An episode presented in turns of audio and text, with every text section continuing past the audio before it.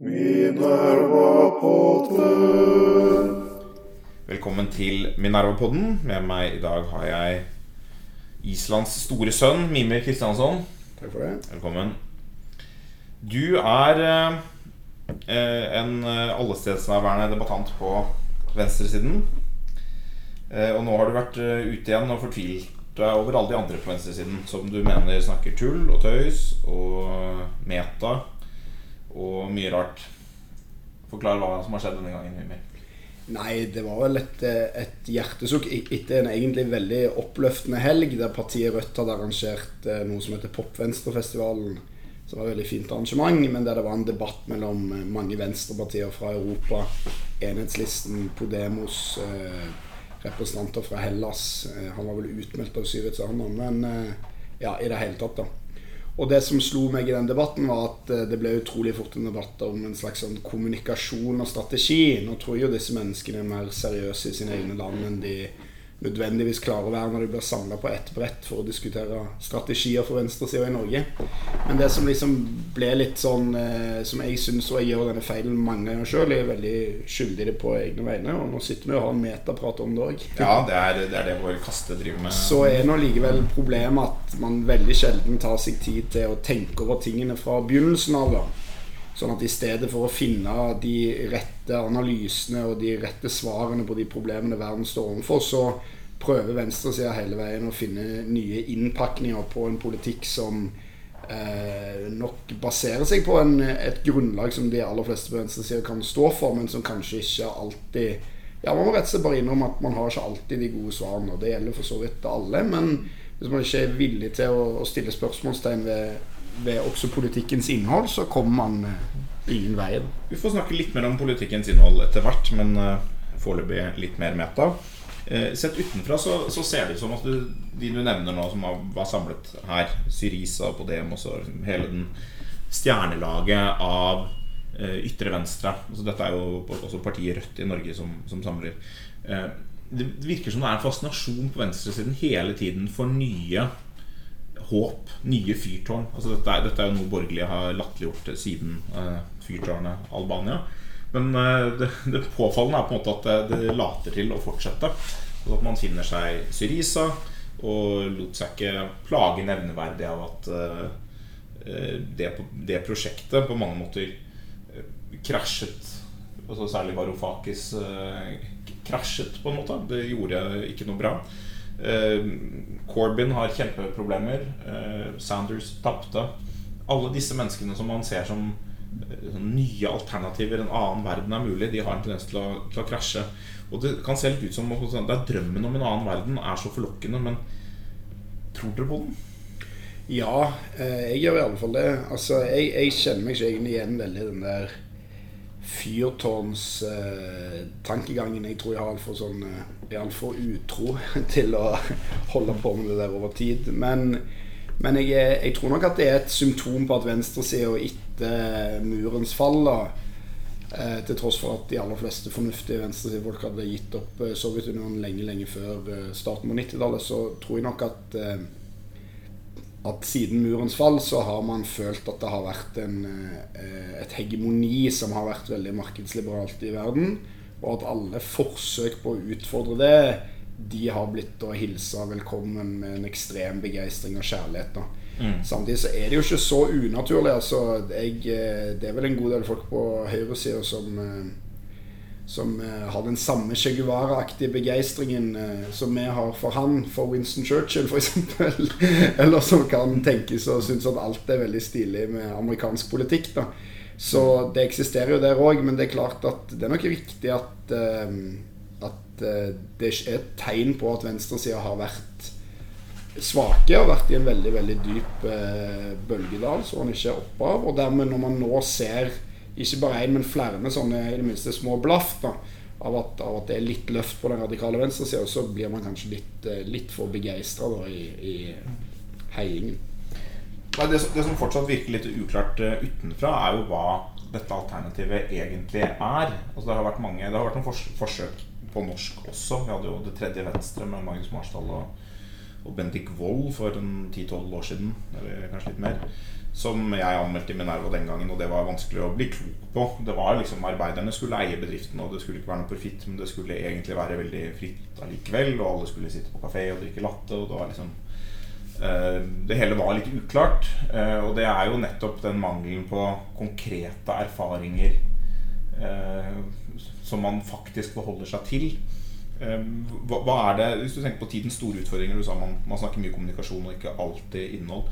Tenkes tidens store utfordringer som teknologisk endring, avindustrialisering, eh, globalisering som skyldes teknologi og ting utenfor politikkens kontroll, og migrasjon og handel som er mer innenfor politisk kontroll. Hva, hva er egentlig venstresidens svar? Det, det, man lett får inntrykk av, er at det er Én eh, del av den radikale venstresiden er sånn Ottar Brox nasjonalister som tenker at eh, løsningen på dette er å si nei til handel, nei til migrasjon. Eh, som om det på en måte stoppet eh, resten av globaliseringen eller den teknologiske endringen. Mens den andre delen er en sånn livsstilsradikalisme som omfavner multikulturalismen og egentlig ikke har svar på de utfordringene, og sier at svaret er kanskje masse skatt, eller at det er de rikes skyld, eller Davos-menneske, eller et eller annet sånt. Hvor står du i disse jeg kan, jeg kan, jo bare snakke på vegne av meg sjøl. Det er jo klart at eh, Når du sier at det er uklart, så er det jo fordi at venstresida nettopp ikke har erfaringer eh, med å, fra de siste årene med å ha makt. Og det gjør at det er vanskelig å, å liksom meisle ut de helt klare alternativene. Jeg vil jo si at det er noe positivt med det òg. På 70-tallet så var venstresida ekstremt lite uklare, og det var ikke så bra alltid, det heller. men, eh, men sånn som jeg ser det, så er det åpenbart at eh, den migrasjonen som eh, er arbeidsmigrasjon, altså eh, arbeidsinnvandringen og fri flyt, et felles arbeidsmarked i Europa sånn som det er nå, mm. det er det helt avgjørende for uh, norsk venstreside, og jeg vil tro de aller fleste partier i Europa, å bryte med. Um, jeg tror at man må ha en helt annen type regulering innenfor nasjonalstaten som en eksisterende ramme man har. Man kan gjerne ønske seg en annen planet med en annen system, men det er en eksisterende ramme mm. der man kontrollerer eh, hvordan arbeidsmarkedet fungerer. Og det ser man at eh, det sliter man veldig med med, med friflyt. Så det er én ting. Kan jeg utfordre, det litt punkt, jeg skal utfordre deg på det først. Altså, jeg skjønner jo bekymringen, eh, selvsagt. Men det er veldig sånn typisk at hvis Frp snakker om dette, så er den innvandringen de, er på en måte opptatt av noe av det samme, hvordan du ødelegger for uh, de nederst, dem nederst på rangstigen og sånn, mm. men de er opptatt av uh, den andre innvandringen. Mm. Flyktninginnvandringen. Mens venstresiden er veldig ensidig opptatt av EØS som om det bare var den som er problemet. Hvis du ser på tallene, så er det jo sånn at uh, det er flere innvandrere fra land utenfor Europa enn det er fra Europa. Altså, du, Er du komfortabel med å si at det er et like stort problem? At det også må begrenses på samme måte? Altså, Jeg ønsker meg i alle fall et arbeidsmarked som er i stand til å regulere. Og det mm. innebærer å regulere innvandringen også med hensyn til det. Mm. Uh, og det er for meg ikke noe fargeforskjell på det. Og jeg har heller ikke noe imot verken polakker eller islendinger. Min far sin, var i sin tid også arbeidsinnvandrer til Norge, faktisk. Mm. Uh, men, nå trekker du opp stigen. Nå trekker jeg opp stigen. men, uh, men jeg mener nok at, at vi er nødt til å ha et arbeidsmarked der vi kan eh, ha ordna og skikkelige forhold, og vi ser at vi ikke har det i dag. Da. Og så er jo det fagbevegelsen rapporterer og forteller om, og for så vidt òg veldig mange på arbeidsgiversiden, om useriøse aktører, om eh, kriminalitet, alle de tingene innenfor mm. masse bransjer, innenfor håndverkerne særlig. Mm. Det er jo eh, hovedsakelig et utslag av eh, mye EØS- og, og EU-innvandring nå. Sånn at det er i alle fall et sted å starte. Og så er ikke jeg sikkert blant de mest eh, flyktningliberale heller, men jeg er opptatt av at, eh, at eh, å skille mellom å hjelpe folk i den desperate ytterste nød og, å være med på et, et, arbeidsmarked som gjør at folk som nok har det verre i Polen enn de kan få det her, mm. ikke, men ikke er i kan man si, direkte livsfare der de bor, hele veien skal reise rundt fra land og strand til å få best mulig arbeid, det er en, et mm. dårlig system som alle taper på, tror jeg. Mm. Det, det, jeg utfordrer litt videre på dette, for det er, dette er jo egentlig helt i kjernen av vår tids store politiske spørsmål.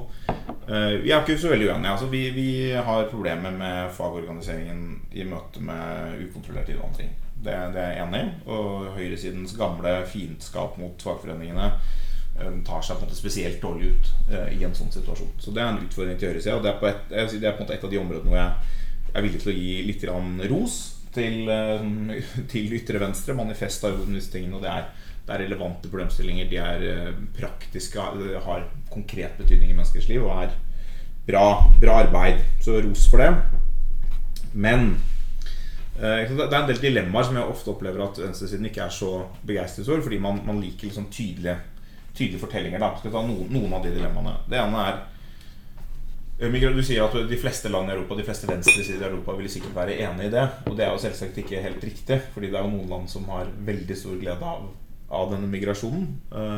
og hvis du ser på land som Polen, Romania, Bulgaria, er det jo land som har hatt ekstremt rask eh, levestandardøkning etter at de ble med i EU. Og det er selvfølgelig ikke åpenbart at uh, norske fagforeninger og arbeidstakere uh, burde bry seg så mye om det. Men én fordel med det er jo at den delen av Europa er blitt stabilisert på en måte som ikke var åpenbar. Altså Hvis du går litt lenger øst, til området utenfor EU, så er det jo måte, det vi kaller the crescent of instability. Det er uro nesten overalt. Det har vi en fordel av at det ikke er sånn. Det andre er selvfølgelig at det er en del av en pakke som, som venstresiden kanskje ikke liker i det hele tatt, men det er altså en del av en EØS-avtale som også innebærer at norske bedrifter kan eksportere. Noen land eksporterer arbeidskraft, noen land eksporterer eh, varer og produkter. Og Norge er ikke et land som kan konsumere de varene vi produserer selv. Så vi er jo avhengig av å inngå denne type avtaler med land. Jeg ønsker meg også ideelt sett bedre kontroll, men, men det er sånn Eh, det man av og til savner for å gjøre om disse slagordene til konkret politikk, er helt konkret hvordan skal avveiningene foretas? Nei, altså I stad var det jo et problem at, uh, at, det var for uklart. Nå er det jo et problem at det er for klart. er så det er damn if you do, damn if you don't. Men iallfall i utgangspunktet så jeg er ikke tilhenger av at Norge med EU, og ikke tilhenger av at Norge skal være med i EØS-avtalen.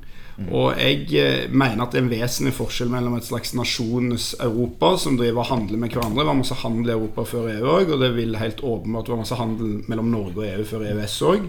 Men det var mye handelskrig i Europa? Så, ja, men det var ikke mye krig mellom Norge og resten av EU-området mellom 1945 og EØS-avtalen, for å si det på den måten. Sånn at Poenget er at Og nå har Storbritannia også gått ut av eh, Torskekrigen, er det som husker? ja, mellom Island og, ja. og Storbritannia. Nå har Storbritannia òg gått ut av, av EU.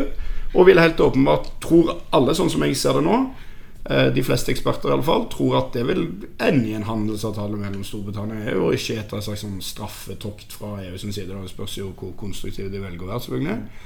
Um, sånn at jeg mener at jeg ønsker meg selvfølgelig masse europeisk eh, samhandling og interaksjon, men problemet med EU som struktur det er at den fjerner eh, råderetten over mange viktige spørsmål fra de nasjonale demokratiene og fører det over til et eh, eh, i beste fall halvdemokratisk europeisk system som er alt annet ferdig. da Og da vil noen på europeisk venstre Det har du for helt rett i Noen vil da si da må vi fullføre det løpet, liksom. Og lage et fullstendig demokratisk EU. Det er Varoufakis uh, sin linje. Og Owen Jones for så vidt kanskje òg, selv om han er litt mer uh, two-face på det der.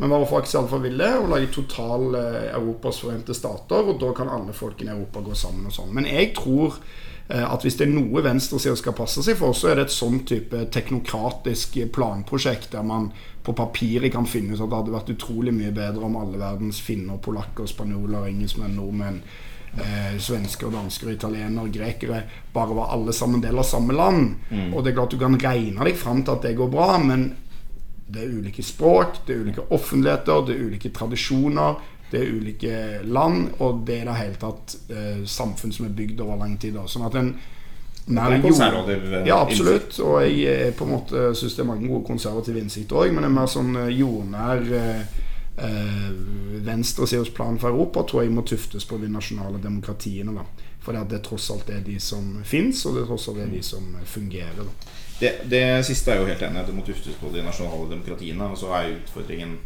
ofte nettopp avveiningen at hvis du allikevel må inngå avtaler, eh, skal du av og til løfte noe opp i en Kall det halvdemokratisk offentlighet. Men dette bringer oss til neste punkt, dette, disse nasjonale demokratiene. Fordi du er jo en av Norges ganske få selverklærte populister. Men du er ikke høyrepopulist, selv om man kunne trodd det av og til. Du er eh, venstrepopulist. Hva betyr det? Nei, For meg eh, så er populismen en, en del av en altså det, en Populismen er jo en såkalt tynn ideologi. sånn at det er jo en ideologi som kan kombineres med ja, Høyrepopulisme nevnte du, venstrepopulisme fins det. Det fins jo òg all slags grønn populisme som man sender i Europa, og det fins helt andre typer eh, ting her òg. Også noen ganger finnes det jo rent sånn standup-populisme, sånn som man kanskje ser litt med sånn Beppe Grillo og sånn. Men, men, jeg mener at, at populismen har som utgangspunkt i at flertallet eh, må få ta de viktige beslutningene i samfunnet, og at det er et mål hele veien at flertallet tar de avgjørende beslutningene. Og Dette høres helt sånn selvfølgelig ut, for alle får allmenn stemmerett osv. Men det holder bare å se på sosialismens tradisjon for å skjønne at det ikke er spesielt selvfølgelig. Én ting er jo Sovjet. Det vet nok Minerva-poddens lyttere så mye om at jeg ikke trenger å ramse opp hvorfor det er dårlig. De som ikke vet det, kan sende meg til Bård Larsen for testet. Men det andre er også den sosialdemokratiske planleggings- og statstradisjonen som er veldig teknokratisk fundert. Og jeg mener at f.eks. Eh, venstresiden i Norge Det er ikke åpenbart alltid at SV og Arbeiderpartiet ønsker at eh, folk skal ta del i flest mulig beslutninger. Jeg mener tvert imot ofte at de har vært pådriver for en type byråkratisering og det vi sikkert skal komme inn på senere, rettsliggjøring, som gjør at, at de demokratiske organene tappes for makta. Og for meg er det avgjørende at jeg mener er prinsipielt riktig at det er flertallet, enten de er dumme eh, eller smarte, enten de er eh, kortsiktige eller langsiktige, som skal ta de viktige avgjørelsene. Og det å flytte oppgaver ut av det folkevalgte sfæren, som f.eks. Eh, maktutredningen eh, mener at, eh, at var i ferd med å skje i Norge når de la fram sin rapport på starten av 2000-tallet, det mener jeg er dårlig. da. Og jeg mener ikke det er selvsagt at en venstreside med gode idealer stoler på demokratiet. Mm. Dessverre. Jeg mener dessverre at det ofte er sånn at for å oppnå noe man vet at det er godt, så er man villig til å la folket og du ser det på britisk Labour, deler av britisk Labour som vil ha ny folkeavstemning om mm. brexit, eller eventuelt bare sabotere hele greia. Mm. Og da er man kommet inn til et, eh, et punkt der man er for demokrati fram til folket tar feil. Mm. Eh, og helst vil man unngå at, at, det skal skje ved å flytte oppgaver ut. Det går ikke an å være mot stemmeretten lenger, så det er det ingen som er. Så dermed så tømmer man delvis stemmeretten for betydning. Da.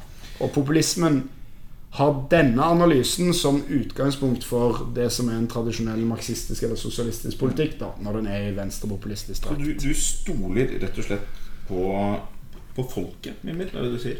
Ja, Det er et todelt svar på det. For det første så mener jeg at eh, folk er vesentlig bedre enn sitt rykte, og at, eh, og at problemene ved alternativene, altså problemet ved, ved ekspertstyre eller, eller, rent diktatur, som er det mest ekstreme Du mener er rent diktatur? Ja. Det, de, det, de stoler jeg mindre på, på en måte. Men det andre er jo at det spiller jo ikke noen rolle Altså Dette er jo et såpass prinsipielt standpunkt for meg at, at jeg mener at hvis flertallet i Norge vil ha en Frp-regjering, så blir det Frp-regjering. Det er bare sånn det standpunktet Og da kan jeg mene så mye jeg vil at flertallet er dumme og ikke har skjønt noen ting. Mm. Men dette standpunktet er så prinsipielt at for meg spiller det ikke noen rolle om folk tar feil avgjørelser. Det er de som skal ta avgjørelsene. Men da får jeg komme med mine innvendinger mot dette. Det er alltid kjedelig å komme med innvendinger når noen uh, proklamerer støtte til demokrati. Men uh, vi konservative har ikke alltid stolt på folket, vi heller. Så der, vi har noe felles i historien. Men uh, vi har jo løst det da ikke gjennom diktatur, men gjennom rettsstat. Og vi mener det kanskje var, var mer fornuftig, selv om noen klager over rettsliggjøring. Men uh, utgangspunktet her er jo at det er, uh, det er ikke alltid at det umiddelbare folkeflertallet skal bestemme alt. Det er noe det ene. Det andre er tanker om representativt demokrati. Og det tredje er kanskje synet på folkeavstemninger. Jeg må bare presisere at jeg mener at det er, det er mye uklokt Eh, preik blant eh, Remain-folk om eh, at liksom folket er idioter, og at det ikke teller det de har stemt på og sånn. Det er bare dumt. Men det er selvfølgelig, det er selvfølgelig en svakhet ved en type avstemning hvor du har et binært valg, ja eller nei, at du kan ende opp med en løsning som egentlig ingen har stemt for. Eksempel. Altså, vi si at de, de, som stemte, mange av dem som stemte Liv, stemte for en handelsavtale med EU med regulert migrasjon. Og så kan det hende vi snakket litt om det i sted, det kan hende det går bra, men det kan også hende at man får en, enten en veldig dårlig handelsavtale med regulert migrasjon, eller en handelsavtale med ganske uregulert migrasjon. Det er blant de alternativene som måtte flyte rundt. Og vi vet ikke hvordan det ender. Og Hadde det vært klart på forhånd, så er det ikke sikkert at folk hadde stemt det samme. Så det er sånn type eksempel på en svakhet ved, ved folkeavstemningsinstituttet. Når det gjelder dette med, med, rettsstat, så er det en mer sånn prinsipiell eh, ting som vi er opptatt av, som handler om f.eks. individuelle rettigheter hvor vi mener at staten ikke burde kunne eh, overprøve en del typer rettigheter. uten å gå omveien om å da endre disse. Og det, det vil si da at folket får lov å binde seg selv gjennom grunnlover. Det er litt det samme som hvis vi går på byen, så er det greit at vi binder oss til på en måte ikke å, ikke å bli skjenket når vi er fulle, f.eks. Det sier jo staten oss ikke ikke får lov til. Det er selvfølgelig en overprøving der og da, men det er noe vi har, har stemt for. Jeg tror Aksel Johan Sterri som pekte ut et paradoks med, med venstresidens posisjon. For så kan du si det er på samme måte et paradoks med høyresidens posisjon. Vi har liksom omvendt det er, det motsatte tilfeller hvor vi ikke stoler på folket. Vi sier at vi stoler på folket vi på høyresiden til å ta private beslutninger i sine private liv. Men vi er litt kritiske til at jeg skal ta store beslutninger på vegne av staten eh, som angår andres rettigheter eller konstitusjonelle spørsmål. Da må det masse prosesser til, så det går langsomt. Og vi får liksom sjekket opp. Mens du virker som du syns det er helt greit at de eh, på en måte tar en enkel ja-nei-avgjørelse til EU. Mens du er mer kritisk til om de får velge å ha egen pensjonssparing. Du, hvordan ser det liksom, paradokset ut? Ja, nå er det mye å svare på. da Vi får bare begynne med det siste. Nei, altså jeg er i utgangspunktet Alt dette her er jo sånn Med mindre man er, er, er fullstendig eh, Hva skal man si Fullstendig rabiat. Så på den ene eller andre siden så er jo alt dette avveininger hele tiden. ikke sant nå har du blitt veldig Nei, nei, men, det, men det finnes ikke noe Jeg tror ikke det finnes noe samfunn i verden, egentlig nesten, altså, der det ikke finnes eh, en eller annen form for idé om at folk skal ta noen avgjørelser sjøl. Liksom. Faktisk, da. Selv de mest brutale diktaturer, tror jeg man kan si det om. Men jeg, eh, jeg mener at, eh, eh, jeg har større tro på eller jeg har større tro på den kollektive sfæren for beslutninger enn det høyresidefolk har. Helt åpenbart. Og jeg mener at nettopp en opplyst offentlighet, en samtale, en diskusjon om ting, og så en avgjørelse av hvordan man mener det bør være for samfunnet, at det er sentralt for å ta valg som trengs for å rette opp en del urettferdigheter som finnes der i utgangspunktet. Og jeg mener at en slik binding eh, som, som, du snakker om, det også innebærer å, å binde, sånn som jeg ser det, eh, de forskjellene som kanskje kunne oppstå hvis alle tar de individuelle valgene ut ifra de allerede ganske urettferdige posisjonene som de står på. Da. Men alt dette er da bare på det nasjonale planet? Hvis du tenker sånn den diskusjonen om Kan lokale fagforeninger få bestemme noe annet enn de sentrale? Da er venstresiden Nei, det er helt umulig.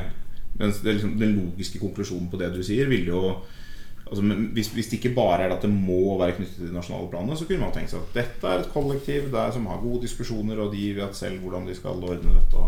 ja, nei, altså, jeg, I utgangspunktet eh, mer for lokaldemokratiet enn jeg tror mange på høyresida på Stortinget. Altså, hvis du tar f.eks. Ja. kommunesammenslåingsdebatten. Når det gjelder det med fagforeninger, så kommer det jo akkurat inn til det som er kjernen i det vi mener den individuelle, såkalt individuelle friheten begynner å bli et problem nå. Ja, ja, for det, jeg mener det er en Nå har vi en god, god jo, men jeg mener at det er en såkalt individuell frihet å velge om man vil eh, jobbe med nattarbeid. Det mener jeg er Det å påstå at det er et utelukkende fritt valg, det mener jeg ikke er riktig. Og jeg mener at det, det er nødvendig å lage et, mm. et, en binding der som mm. gjør at ikke en eller annen psyko som er jævlig glad om å få jobbe på natten, hvis det fins, mm skulle få kunne da sabotere muligheten alle andre har for å kreve å jobbe dag. Mm. Men nå, nå, nå, må jeg utfordre deg, Fordi nå, nå, kommer vi litt i kjernen her. For her ser det ut som vi, er Dette er jo ikke egentlig en teoretisk uenighet, men det er uenighet, en uenighet om utfall. Altså, altså. Du sier er, staten må på en måte bestemme at ingen kan få jobbe mer. Det er ikke snakk om bare individuelle valg, men heller ikke lokale fagforeninger eller kommuner for den del. Mens kommuner kan godt få bestemme selv lokalt at de skal seg, ikke skal slå seg sammen fordi du ikke vil ha kommunesammenslåinger. Uh, altså det, det, blir ikke veldig bare de standpunktene du liker. Det er veldig vanskelig å se noen sånn helt klar prinsipiell begrunnelse. Nei, det altså ja hvis, du, hvis man ser Det er et interessant spørsmål om du kan klare å være 100% prinsipiell. Hvis man kan klare å være 100% prinsipiell i all form for eh, Si 72, da.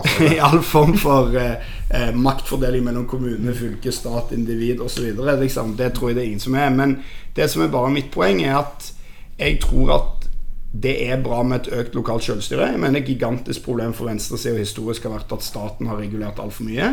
Men jeg mener at når du kommer inn på arbeidsmarkedet, når du kommer inn i de forholdene som angår folks posisjon på arbeidsmarkedet, så er ikke jeg tilhenger. Da er nemlig det jeg mener er maktulikheten som eksisterer der, det er mellom arbeidstakerne og eh, den såkalte arbeidsgiveren, da, hvis du skal begynne å bli helt eh, det kranglete. Og da har jeg tro, jo, men da har jeg tro på at jo flere du er på den ene siden som er med på å jevne ut den forskjellen, jo bedre er det da. Og så er det jo masse lokalavtaler rundt omkring som alle i verden er for. Det er bare det at man setter et eh, Eller alle i verden er ikke for det, men alle på venstresida er for det. Men man setter en minste, nasjonal minstenorm for hvordan man vil at et eller annet skal være. Og innenfor det kan du forhandle fram til bedre resultater, eller for så vidt ha et stort handlingsrom innenfor det. da. Det er jo det mye av rettsstat Det er mye av grunnloven og rettsstaten. Og jeg er jo på ingen måte mot rettsstaten. sånn at jeg jeg mener også nok en gang Hvis man skal se på deler av venstresidas feil, så er jo en av de opplagte at man har en idé om en slags sånn folkedomstol. Sånn at det fins en eller annen form for sånn maktfordeling eh, i samfunnet. Det er jeg en tilhenger av, som jeg tror de aller fleste er. Og jeg er helt enig i at Venstre ser at enormt store utfordringer med det. Men det som jeg mener er problemet i vår tid, det er at rettsstaten i stadig større grad tar stilling til politiske spørsmål, som da forsvinner ut av nasjonalforsamlingen og inn i en stadig rettighetsfestning. Sånn at jeg er enig, tror, hvis jeg husker riktig, enig med f.eks. Michael Tetzschner i at de der andre generasjons menneskerettighetene ikke har noe i norske grunnloven å gjøre.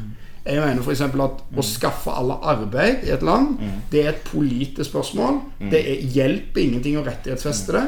Og det er nå én ting, og det er ikke riktig å gjøre det heller. Det må være et domene for valg. er Men at det skal finne et minste minimum av sånne rettigheter Stemmeretten, ytringsfriheten, religionsfriheten, alle de tingene der, det er selvfølgelig jeg òg veldig enig i. Og så er jo det den rettigheten som det er mest uenighet eh, mellom høyre og venstre seg om, det er jo den såkalte menneskerettighetene eiendomsrett, så det, der blir det kanskje mer diskusjon. Men jeg, her er det bare et spørsmål om, om eh, Mener du at det skal være en stadig utvidende katalog av rettigheter som skal føre deg fram til et godt samfunn, fordi alle kan saksøke staten på Men det er det få på høyresiden som? Her, her er ikke vi så uenige. For jeg er jo enig Men det er det jævla mange på Ja. venstresida som Ja. mener. Sånn. Så, så det, da må vi alliere oss sammen med dem. Nei, altså, jeg er også kritisk til den stadige utglidningen av det. Men sånn interessant eksempel hvor Derfor jeg sier at det, måte, det, det blir så tett knyttet om politiske standpunkter. Og det tror jeg er uheldig for både, både oss på høyresiden og dere på venstresiden. Sånn som f.eks. Klassekampen var veldig sinte på denne rederdommen. Som jo tar opp et helt sentralt rettssikkerhetsspørsmål, nemlig tilbakevirkende kraft. Og selve det juridiske er kjempekomplisert, og jeg har ikke jeg er ikke den som er best egnet til å ta det. Og det er heller ikke Bjørgulf Blom som eh, skrev sint om det. Men det er sånn typisk spørsmål at hvis man først godtar at dette handler på en eller annen måte om tilbakevirkning, er det da greit at vi faktisk sier vel det er faktisk opp til Høyesterett? Eh, Jeg mener at det er åpenbart at det er opp til Høyesterett, mens det er et sånt eksempel på ja, dette handler om liksom økonomisk ulikhet, og da må, da må flertallet få ta de pengene, da, på en måte. Uh, Ser du at, at vi på høyresida blir litt sånn bekymret for det, for det synet på rettsstaten? Nei, eller jeg ser jo at dere blir bekymra, men jeg vet ikke om jeg er enig i det. Nei, altså Jeg har masse kritikk helt konkret på den men det er ikke så viktig. Det, det prinsipielle som jeg mener er viktigere der, er at jeg syns rederdommen viser hvordan maktforholdet mellom Høyesterett og politikerne er forskjøvet. Fordi at det eksisterer et politisk ønske som er å få skvise noen penger ut av rederne. Det er det flertallet på Stortinget. Det er en gruppe som har betalt for lite skatt, mener flertallet, osv. Så, videre.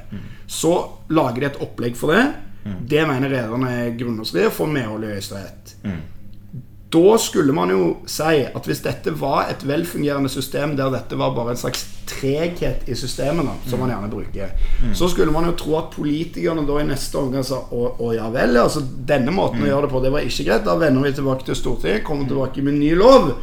Her skattlegger vi rederne på en annen måte. Men da kunne- mener jeg at du har en eh, Men her får du liksom tail that wags the dog, da. Fordi at du får en sånn dom i Høyesterett etter en langvarig prosess og alt sånn. Og da har du ikke politikere som har Eller du har ikke en politisk kultur eller en autoritet lenger i Stortinget til å si OK, hvis, det det, hvis man da går god for Høyesteretts beslutning om det med eh, tilbakevirkende kraft, da må man eh, gå tilbake og lage en, ny, en nytt opplegg. da Og det var jo snakk om dette også når Det kunne man jo gjort. ja, man kunne gjort det, Man og det er overraskende at det er problemet i vårt samfunn at man i liten grad gjør det. Og f.eks. Francois Hollande var akkurat inne i en lignende type ting. Med en slags sånn toppskatt i Frankrike, der det var, som ble dømt ulovlig i landets grunnlovsdomstol. Fordi at man brukte det litt triks i begrepet, så vidt jeg husker, husholdning. Som ikke egentlig er noe juridisk begrep i fransk konstitusjon. Man kunne gått tilbake og gjort noe annet, men man gjorde ikke. Og grunnen til det er at det ikke var egentlig politisk støtte for å gjøre det. Og sånn var det jo på mange måter mange av disse sakene i Norge som var omstridt, og tomtefest og, og rederskatt og sånn. Det var veldig tynne flertall på Stortinget. For å endre Grunnloven så må du ha store flertall, men selv for å få til andre løsninger så måtte du enten fått bedre støtte i Stortinget, eller du måtte gjort ting som du ser at har negative konsekvenser. Man kunne jo bare, gått, man kunne jo bare lagt på en stor skatt på rederne. Men det ville man ikke. Fordi man, var- man er redde for at de skal flytte ut. Ja da, men- man, ville finne en sånn, man ville finne en annen ordning, og så gikk ikke det. Men utgangspunktet her var jo at man hadde inngått en eller annen form for avtale med rederne der man også ga de noe, og de fikk beholde det de ble Ja gitt. Eh, og det kunne man Rederne kom godt ut av det. Rederne kom godt ut av det. Jeg skrev min glitrende artikkel 'Demokratiforakt'. Gledelig demokratiforakt. Eh. Vi, eh, vi må gå videre i sendingen. Vi snakker om Høyesterett. Det er jo en av disse eliteinstitusjonene som, mm. som en del på høyre- og venstresiden har lagt litt for hatt. Eh, Snakk litt om eliter, eh, Mimer. Du er, eh, du er ikke så glad i eliter som jeg er. Nei, eh, altså dette De har sviktet. Ja, de har svikta, ja. Nei, altså Det vil jo til enhver tid finnes noe som har makt i et samfunn, men, men jeg mener at man eh, har en type eliter i dag som eh, i veldig liten grad er Eller veldig lite grad holdes ansvarlig overfor, eh, ovenfor majoriteten eller overfor befolkningen. Og det tradisjonelle marxistiske klassebegrepet, så, så er det jo på en måte veldig enkelt. Du har proletaren, og så har du borgeren, og det er liksom i en konstant eh, antagonistisk motsetning. Og nå er ikke jeg blant de som mener at de to gruppene har forsvunnet, men jeg mener at det er helt åpenbart at i et land som Norge f.eks. så er eliten Det kom nettopp en bok om makteliten eh, denne uken. 202 mektige som styrer Norge. Veldig mange av de åpenbart ikke eiere. Og det er selvfølgelig også helt riktig. Og det jeg mener er at sånn som jeg kan se det, så, så består den norske eliten av, eh, av eh, i alle fall eh, tre, eh, eller kanskje fire deler. Det er en, eh, en eh, økonomisk elite, som er same old som i kommunistiske manifest, med litt eh, nye tryner. Så har du en, en politisk Kanskje politisk, teknokratisk elite. Eh, og så har du en slags sånn kulturelite da, som har minimalt med makt og får maksimalt med oppmerksomhet. da. Men det som jeg mener er, er det relevante innsikten med å bruke det begrepet eliten, og som jeg mener at, at populismen kommer med òg, det er en kritikk av den byråkratiske og teknokratiske eliten, som jeg mener Jeg vil bare understreke bare for å bevise hvor, hvor, prinsipielt jeg mener dette. Jeg mener at en sånn elite som det der, den er like heslig når den liksom temmer Siv Jensen i Finansdepartementet, som når han temmer Kristin Halvorsen. Når folk i Norge har eh, valgt en regjering der Frp får finansminister, så får det bli noe Frp-politikk. Det, nå blir det jo vi, Det er mange av oss som syns at oljepengebruken har eh, Ja. vært eh, Det syns nok i Finansdepartementet også. Det er nok ikke de som har bestemt, bestemt det. Men eh, altså jeg, bare, jeg er jo blant dem som reagerer på dette, fordi jeg mener at det underspiller veldig at vi har demokratisk accountability. Eh, og det er klart at den, den gjelder jo bare indirekte for teknokratene. Eh, men den gjelder jo i den forstand at det er på veldig mange av disse viktige områdene politikerne som bestemmer. Og så er spørsmålet eh, hvorfor er det f.eks. sånn at Finansdepartementet har eh, mye påvirkningskraft, eller tilsynelatende mye påvirkningskraft. Og det skyldes jo selvfølgelig at eh, politikere kommer inn dit. De har vært på Stortinget, de har vært i mediene og har kommet med løfter og bannbuller og alt mulig rart. Og- så kommer de inn og skal ha ansvar for en helhet. Og så er det ikke alt det de har sagt, som går. Altså det, det er ikke, det lar seg Det var litt det vi snakket om eh, i sted med, med brexit. At det er, det er lett å si ja, men vi vil ut av EU, og vi vil ha en kjempegod handelsavtale, og vi vil ha god kontroll over innvandringen. Og så kommer man til Finansdepartementet, og så sier de vel, eh, tyskerne ringte og sa at det går ikke. Eh, og sånn, sånn er litt Finansdepartementet. At det er en det er en realitetssjekk. Og det gjelder mange av disse eliteinstitusjonene. At det, er, eh, det forvaltes en fagkompetanse som er viktig. Jeg mener jo ikke at jeg, jeg, er ikke noe for, jeg er ikke noe for ekspertstyre i noen sånn abstrakt forstand. Altså at det skal være løsrevet fra, eh, fra folkeviljen eller fra, fra det demokratiske eh, debatten. Eh, men, men når man sier eh, De som sier eksperter, de har en tendens til å referere til noe som høres ut som det ikke er demokratisk. Når Frp snakker om det, eksempel, det er ikke så mye finans eh, hvor det har vært tema, men mer innvandring. Man sier elitene har måte gjort dette mot folket. Og i en viss forstand, det er mulig å skjønne hva man mener, i en viss forstand så har det vært en folkelig skepsis som ikke har funnet et bredt nok politisk uttrykk. Men vi har jo hatt et parti som har stått veldig klart for innvandringsskepsis siden midten av 80-tallet i hvert fall. Og som har fått ganske god representasjon ved valg.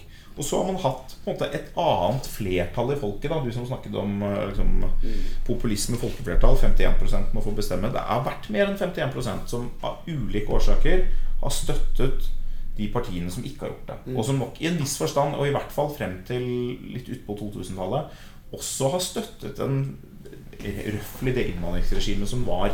Mm. Eh, og så ble det mer innvandring etter hvert, og man har fått en mer skeptisk offentlighet. Og en mer skeptisk eh, politikk. Altså en, mer restriktiv politikk. Så for meg er det et eksempel på at politikken på en måte fungerer.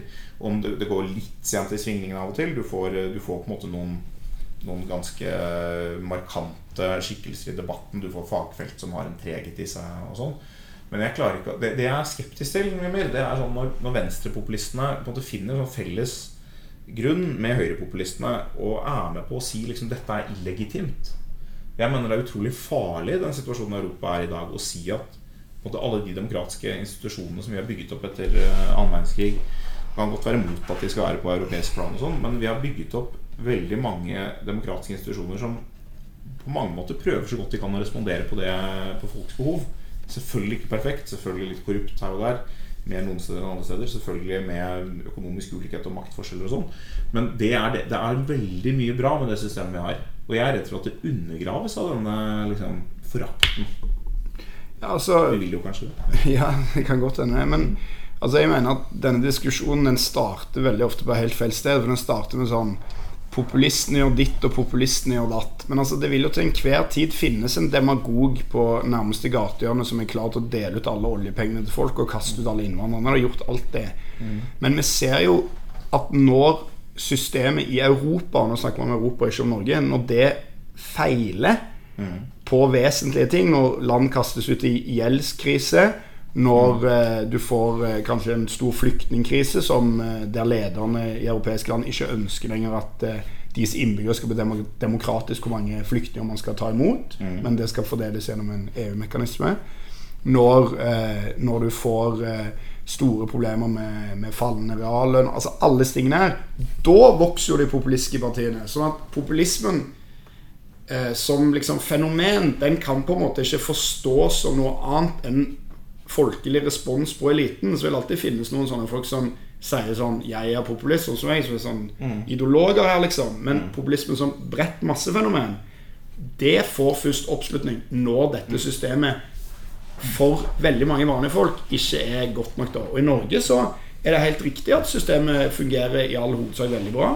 Det er helt riktig at, eh, at eh, man har eh, politikere som sitter med bukta og begge endene, egentlig, på veldig mange områder. Men jeg mener at vi beveger oss i en gal retning. Og jeg tror ikke vi er vaksinert mot å havne i de problemene som andre land i Europa kommer i, f.eks. i en økonomisk nedgangstid. Mm. Og da har jeg større tro på at en å inkludere folk og de folkevalgte i større grad i beslutningene som tas i samfunnet, er en positiv ting. Og jeg, hvis du kan ta Finansdepartementet som et eksempel, da, så kan jeg gjerne snakke om ekspertisen og fagfeltene som finnes eh, der. Og det er kjempebra. Jeg er veldig for å ansette eksperter i, i staten. Jeg. Det må man bare kjøre på med. Men spørsmålet er jo, som man må stille seg, er jo om Er det hunden som logrer med halen, eller er det halen som logrer med hunden? Og når man hører hvordan eh, folk som jobber i Finansdepartementet sjøl snakker om sine overordna, de folkevalgte, så kan det noen ganger framstå som om det der misforholdet der eh, rett og slett eh, er litt uheldig. Da. Og hvis vi beveger oss altfor langt i den retningen, så eh, er samfunnet blitt eh, dårligere, mener jeg. Men du er en sånn som Du har vært kritisk til handlingsregelen. Ja. For du, du, er blant dem som sånn som dagens regjering. Du vil bruke penger som fulle Høyre-folk. Men, men, så først og fremst vil jeg ha en, en, men, en debatt om ja, det da hvert, hvert, år. men, men folket er jo for handlingsregelen. Ja. Ikke, ikke, bare at de stemmer på partier som er for det, men de er for handlingsregelen når, når de blir bedt om å stemme. Og jeg synes det på en sånn illustrerer sånn på en måte Man kan kalle det altså Det blir fremstilt som en form for folkelig populisme å si byråkratene i Finansdepartementet burde ikke liksom, holde seg til handlingsregelen. Men det er altså en demokratisk valgt regjering som har innført en regel som ikke er bindende, men som partiene velger å følge, og som folket støtter. Og jeg synes det er veldig symptomatisk også, også for dette med, med innvandring. Altså, jeg vet ikke om du, Er du for f.eks. flyktningkonvensjonen? Ja. Ja, ikke sant? Også Flyktningkonvensjonen er jo mye større restriksjon. Og jeg kan si jeg er av, på mange måter av den grunnen skeptisk til den i sin nåværende form. Uten at jeg liksom er helt klar er jeg uklar, Uten at jeg er klar til å si den opp, så er, det, så er det ikke noen god situasjon at vi ikke har noen kontroll. Eh, og det kunne, altså, men det er du for, mens du er eh, mot at EU prøver å fordele det. Og det blir liksom, det, da blir det elitestyre og, og udemokratisk og, og sånn. Mens at vi har denne konvensjonen som regulerer det, det er menneskerettigheter og folkelig. Så jeg bare opplever at det er sånn Det blir, kan være veldig tilfeldig hva det er man reagerer på som, som noe elitistisk og fjernt, og hva man mener er noe folkelig og nært.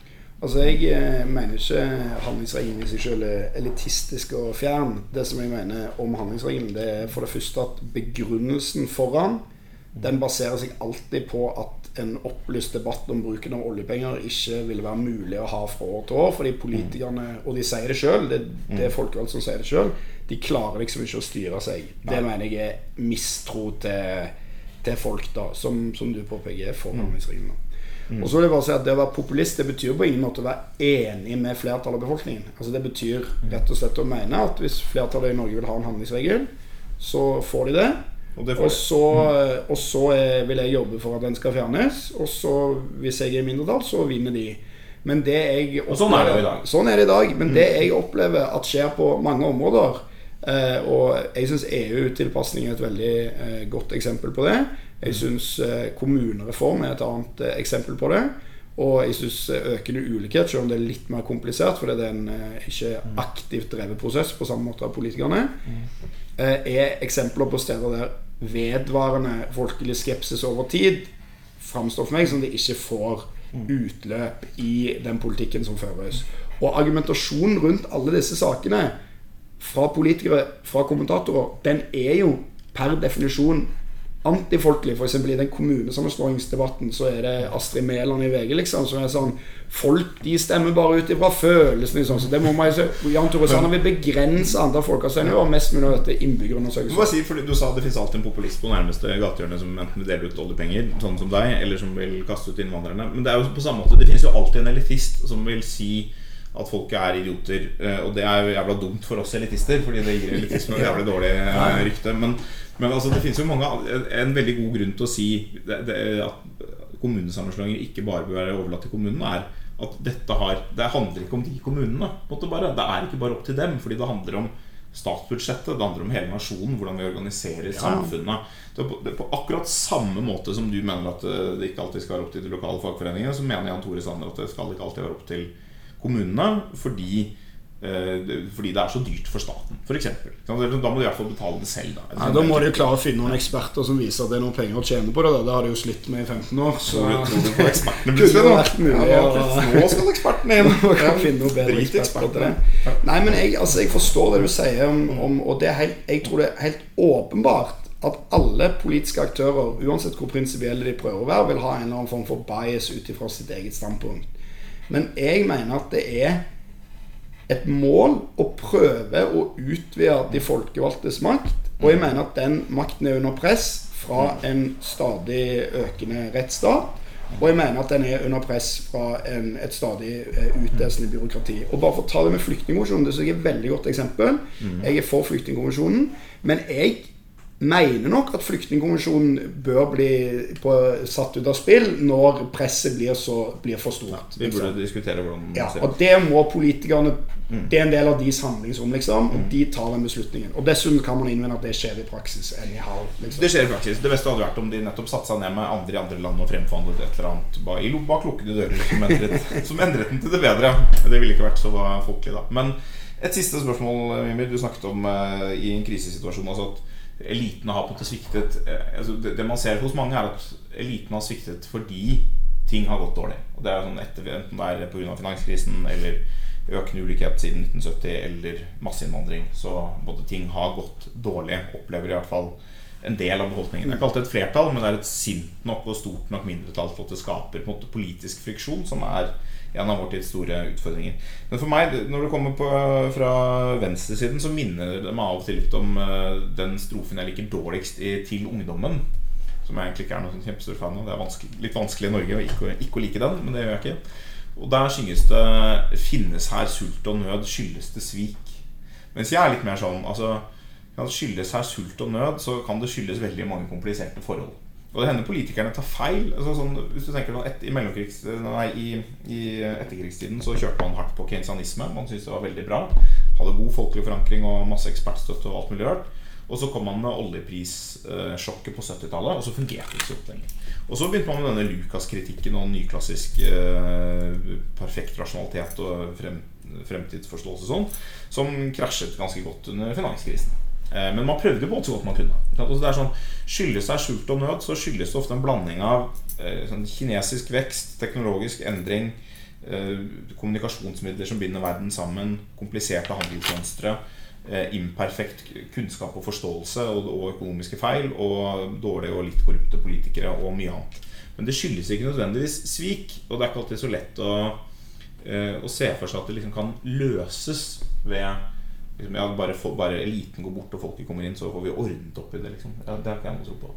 Nei, men altså svik Jeg er enig at det er et veldig dårlig begrep. For det første er det jo helt umulig å påstå at de rike sviker de fattige. De handler jo bare i tråd med sine egne interesser, så for de går det jo a-ok. Eh, og når det er sagt, så Men jeg bare tror at vi er bedre rusta til å møte alle sånne type ting dersom vi har demokratiske institusjoner som funker.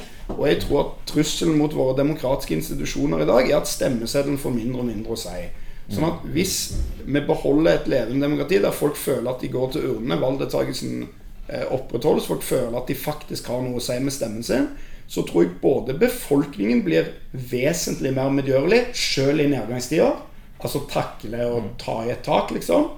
Og jeg tror at vi kommer til å ha en vesentlig eh, mye større og bedre samling ideer å benytte oss av, enn hvis det skal sitte noen eh, eh ekstremt lure folk eh, et eller annet sted og ta en avgjørelse på vegne av alle sammen. Enten det nå skal være eh, ti keynesianistiske professorer eller ti eh, Chicago School-professorer. Da har du hørt to ekstremt smarte folk i studio her i dag fortelle deg hvordan dette egentlig burde gjøres.